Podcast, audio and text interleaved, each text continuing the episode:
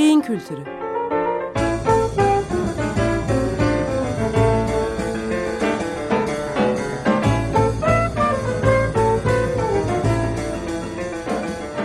Tarihten, sanattan ve edebiyattan örneklerle beyin.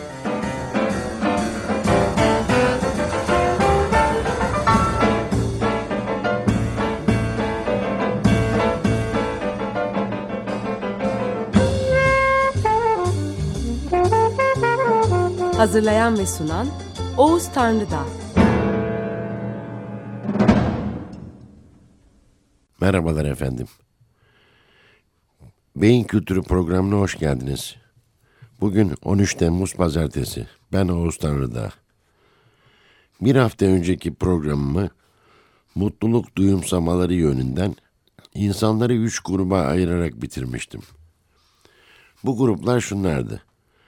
Deneyimlerin içinde kendini mutlu hissedenler, anılar eşliğinde kendini mutlu hissedenler, mutluluk hissi olmayan veya mutluluk hissini tanımayanlar. Bugün bu grupları muhtemel beyin mekanizmaları açısından incelemeye çalışacağım. Beyin mekanizmaları derken statik ve beynin fotoğraf e, fotoğrafı çekildiğinde görünen yapılarla ilgili mekanizmalardan değil, daha dinamik hareket, arzu ve ödülle ilgili beyin mekanizmalarından söz edeceğim. Önce deneyimler ve anılar ayrımını ele alalım. Hemen uyanan izlenim, deneyimlerin canlı, o anda yaşanan olgular olmalarına karşın, anıların geçmişte yaşanmış ve nispeten küllenmiş olgularla ilgili olması. Bu farklı olgular beyin açısından ne kadar farklı oldular? Eğer bunlar bilinirse belki bu bilgilerden yürüyerek bu insan gruplarını beyinsel bakımdan farklılaştırabiliriz. Hipotezimiz bu farklılaşmanın beyinde yaşanıyor olması. İşimiz zor görünüyor ama tutunacak bir dalımız olabileceğini de söyleyelim. Bu dal son yıllarda ikizlerle özellikle de tek yumurta ikizleriyle yapılan davranış araştırmaları.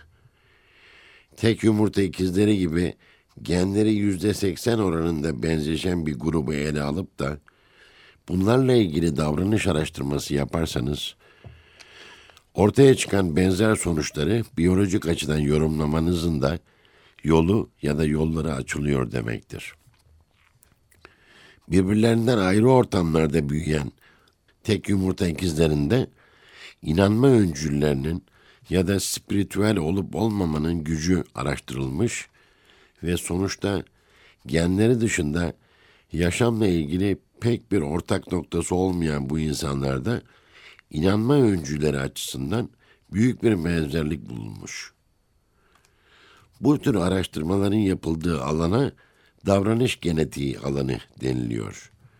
Yeri gelmişken bu alanla ilgili bazı araştırma sonuçlarının anlatıldığı Michael Shermer'in Alfa yayınlarından basılmış İnanan Beyin kitabını tavsiye ederim.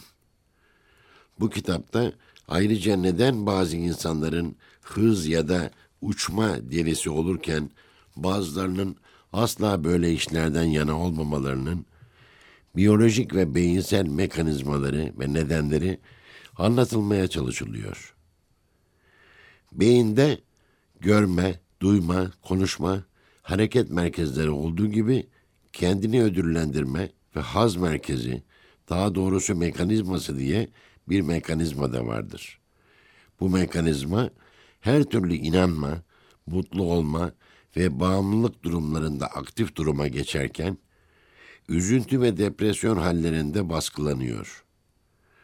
Bu mekanizma çok ilginç biçimde beyinde duygu, hafıza ve karar merkezlerinin arasında bir yerde bulunuyor. Bu mekanizmayı çalıştıran kimyasal dopamin maddesi. Dopamin etki olarak beyinde kapanan devreleri açan ve başlamış bir olayı devam ettiren bir madde. Bu etkiye disinhibisyon yani baskının baskılanması deniyor. Dopamin beyin, beynin derinliklerinde olan nörokimyasal çekirdekçiklerden birisi tarafından salgılanıyor. Bu salgılanmayı sağlayan iki tane gen keşfedilmiş.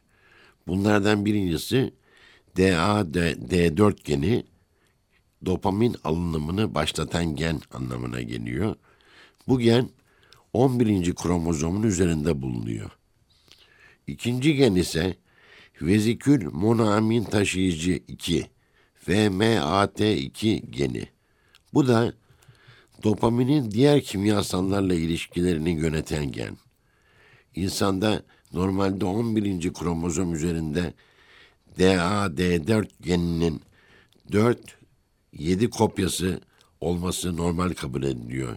Kopya sayısı 8-11 gibi olduğunda dopamin kullanan reseptör sayısı arttığından kandaki miktarı düşüyor dopaminin ve bunun sonucunda hareketler, istek ve arzu yavaşlıyor.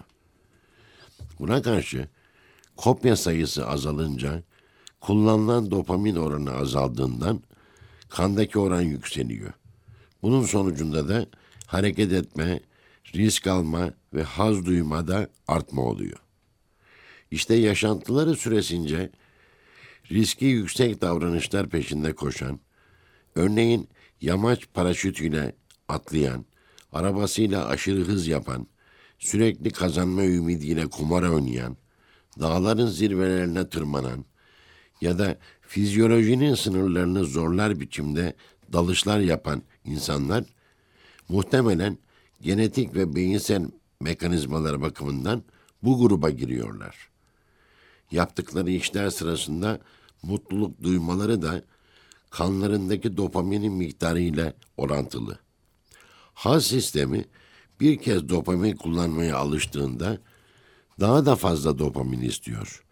Ve bu böyle bazen bu kişiler aşırı risk alma sonucunda belki ölene kadar devam ediyor. aşırı inanç ritüellerine, tapınma seanslarına ve transa geçme girişimlerine meraklı kişilerde muhtemelen bu gruba giriyorlar.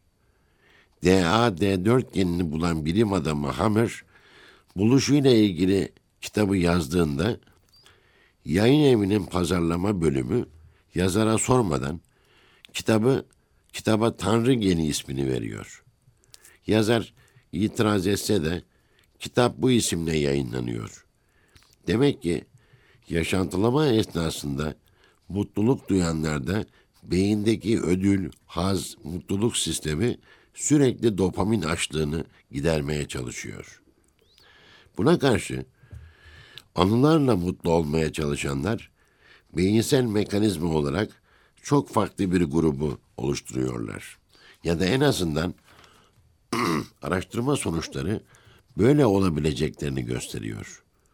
Bunlar beyinde haz ve ödüllendirme mekanizmasını mantıksal kontrol sistemi üzerinden idareli kullanan insanlar. Sol beynin ön lobunun dış yan yüzü beyinde yönetici yürütücü sistemin odağı kabul ediliyor. Bu odakta yaşantılanlar ve onlarla birlikte harekete geçen mutluluk faktörleri daha önce yaşananları kar zarar süzgecinden geçiriyorlar. Yani bu bir çeşit doğal değil, filtrelenmiş mutluluk. Birinci türden mutlulukta nasıl özel bir gen ve dopamin duygular üzerinden kurulan e, bir yolak vasıtasıyla kullanılıyorsa ki buna mezolimbik dopaminerjik yolak deniliyor. Yani mezo iç yan demek, iç yüz demek. Limbik de beyindeki duygular ve bellekle ilgili iç bölgelerde yer alan sistem. Bu sistemden karar merkezlerine doğru uzanan bir yolak bu. İkinci türden filtrelenmiş sansürlü mutlulukta da özel bir gen ve yolak var. Bu gen Tanrı geni gibi iş görmüyor. Bir işim e, isim verilmesi gerekseydi herhalde denge geni olabilirdi. Bunun adı da VMAT2 veziküler monoamin taşıyıcı iki geni. Bunun görevi dopaminin diğer kimyasallarla dengeli salınımını sağlamak. Bu genin ve mekanizmanın baskın olduğu kişiler deyim yerindeyse mutluluğa şart koşan ve sürekli yargılayan kişiler. Örneğin onların mutlu olabilmesi için mutluluk duygularından önce mutluluk yargıları geliyor. Burada dopaminin rolü bu yargıya onları inandırmak biçiminde. Yani inanç düzeyinde birinci grupla ortak bir özelliği paylaşıyorlar. İki grup da inanıyor. Birinci grup deneyim içinde mutlu olduğuna inanırken ki doğal olarak e, salgılanan dopaminin tesiriyle ikinci grup ise bunu mantık süzgecinden geçirdikten sonra yine inanıyor. Ve gerçek mutluluk onlara göre de böyle. İşte şöyle aslında. Karşılaşılan olay geçmişin çetelesini tutan, işleyen bellek denilen mekanizmanın terazisine vuruluyor. Eğer bu olayın geçmişteki benzerleri olumlu izlenim vermiş olaylarsa yeni olay mutluluk anımsaması. Olumsuz izlenim vermiş olaylarsa mutluluk anımsaması, mu, pardon, mutsuzluk anımsaması yaratıyor. Ve dopamin burada her iki yönde de karar verilmesini kolaylaştırıyor. Yani biraz önce izah ettiğim inanma olayının kimya kimyasalı olduğu için dopamin şuur düzeyinde, bilinç düzeyinde algılananların ne olduğu dopamin için önemli değil. Dopamin burada o algılanan şeyin pekişmesine yol açan, şuur altı bir şekilde yerleşmesine yol açan ve hangi gruptan olursanız olun size sizi ona inandırmaya çalışan bir madde.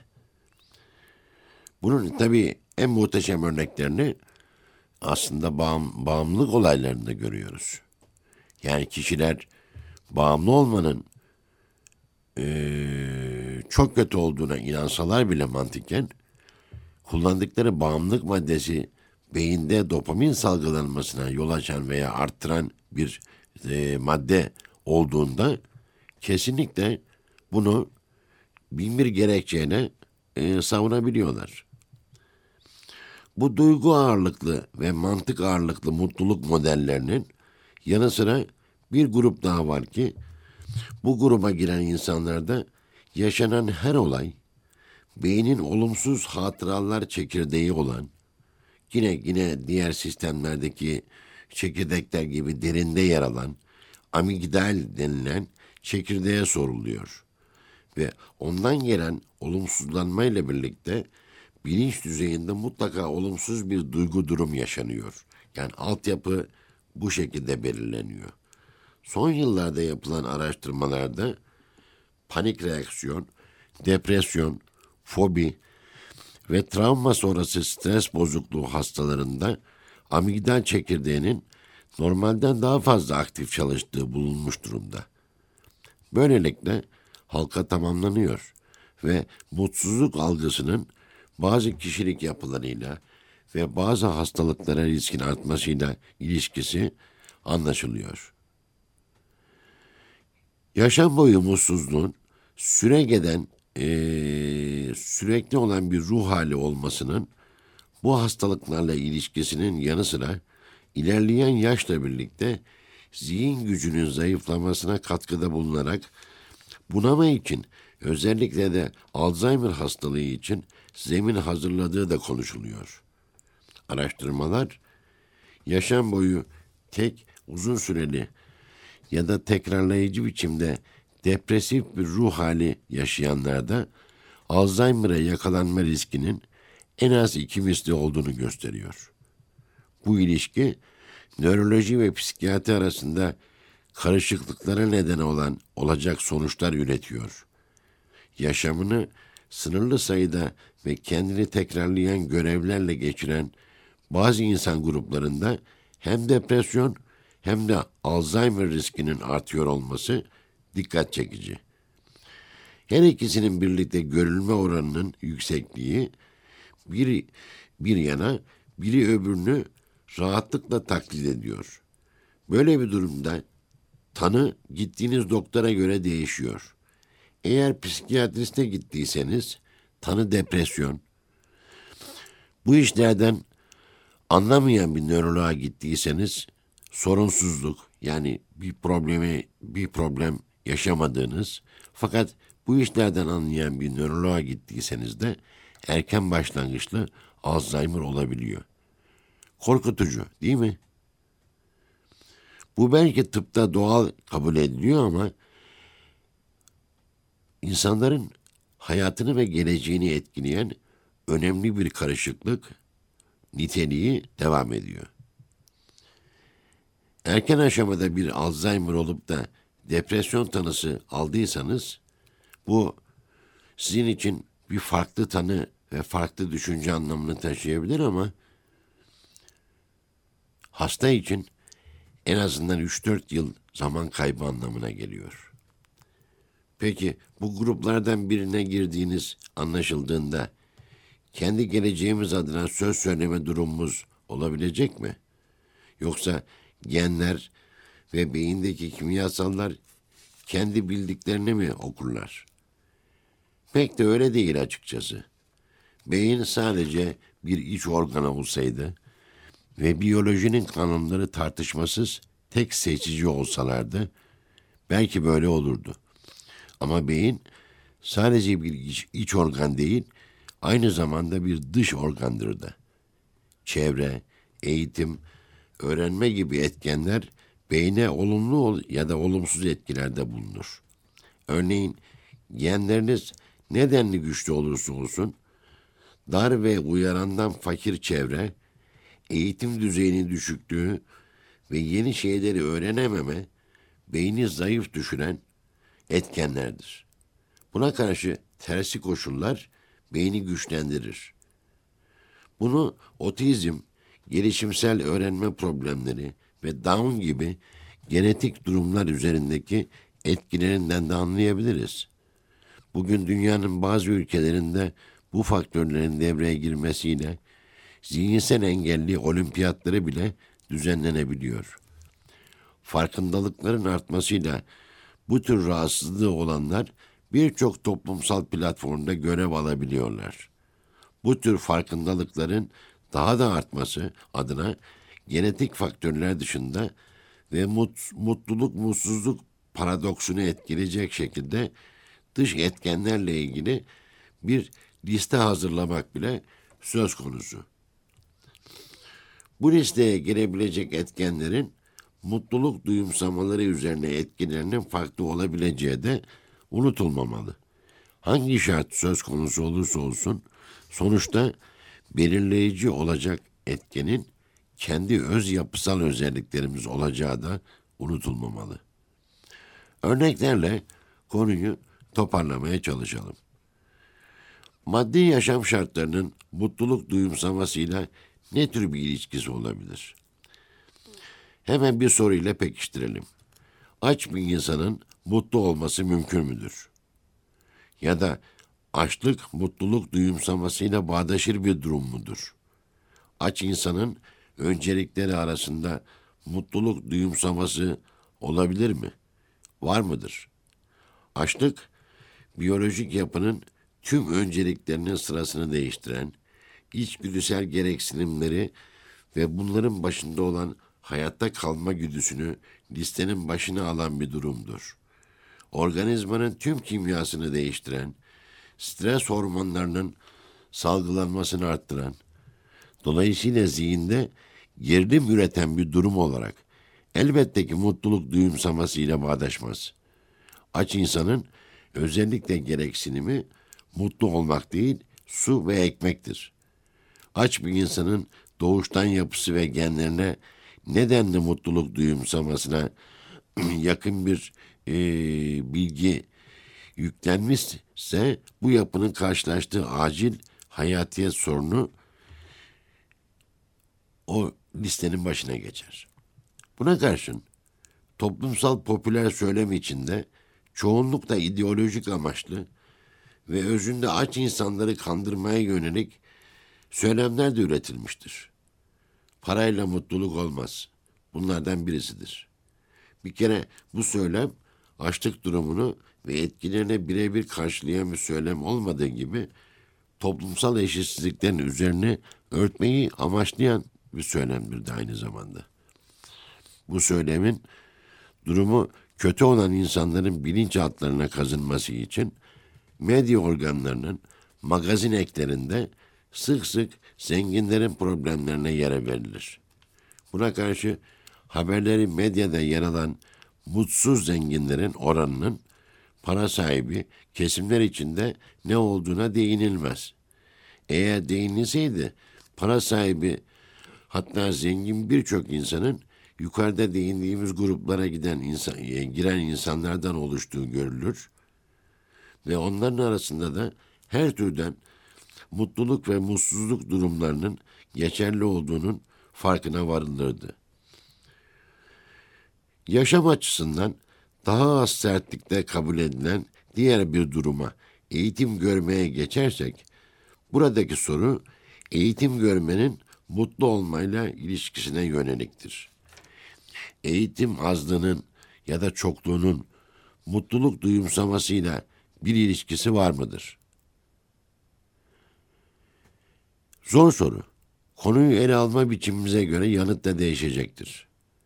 Eğer eğitim görmeyi sürekli anlamda yeni şeylerin farkında olma hali olarak alırsak, eğitim düzeyiyle mutluluk arasında doğrudan bir bağlantı kurmak zorlaşır. Çünkü farkına vardığımız her yeni durum bize yeni gerilimler yükleyecek ve yeryüzünde ve çevremizdeki problemlerin sayısını arttıracaktır. Nitekim neredeyse evrensel bir gerçek olarak toplumlarda eğitim düzeyi yüksek kesimlerin mutluluklarının değil de gerilimlerinin arttığı görülebilir. Bunun birçok nedeni vardır. Genel anlamda yapılan işin karşılığını alamama, daha az eğitimli kişilerin zenginliği ve bu tür kesimlere uygun yönetim biçimlerinin e, zor bulunması nedenler arasında sayılabilir. Özet olarak mutluluk duyumsamasının sırf ona uygun bir yapıyla doğup doğmamamız konusundan ibaret olmadığını, dolayısıyla sadece biyolojik bir konu olmadığını, psikolojik, sosyal, kültürel gereklerinin de olduğunu söyleyebiliriz. Ancak genetik bilimi ne kadar sinirimize bozarsa bozsun, bu altyapı bakımından, kimyasal organizasyonlar, hormon organizasyonları bakımından böyle bir e, güçlü etkenle birlikte doğduğumuzu da gösteriyor. Hoşçakalınız. Beyin Kültürü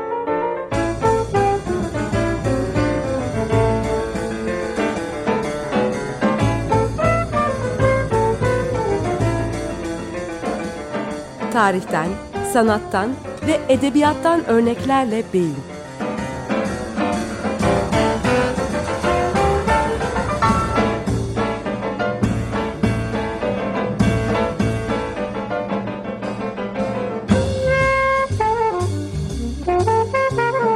Hazırlayan ve sunan Oğuz Tanrıdağ. Açık Radyo program destekçisi olun. Bir veya daha fazla programa destek olmak için 212 alan koduyla 343 41 41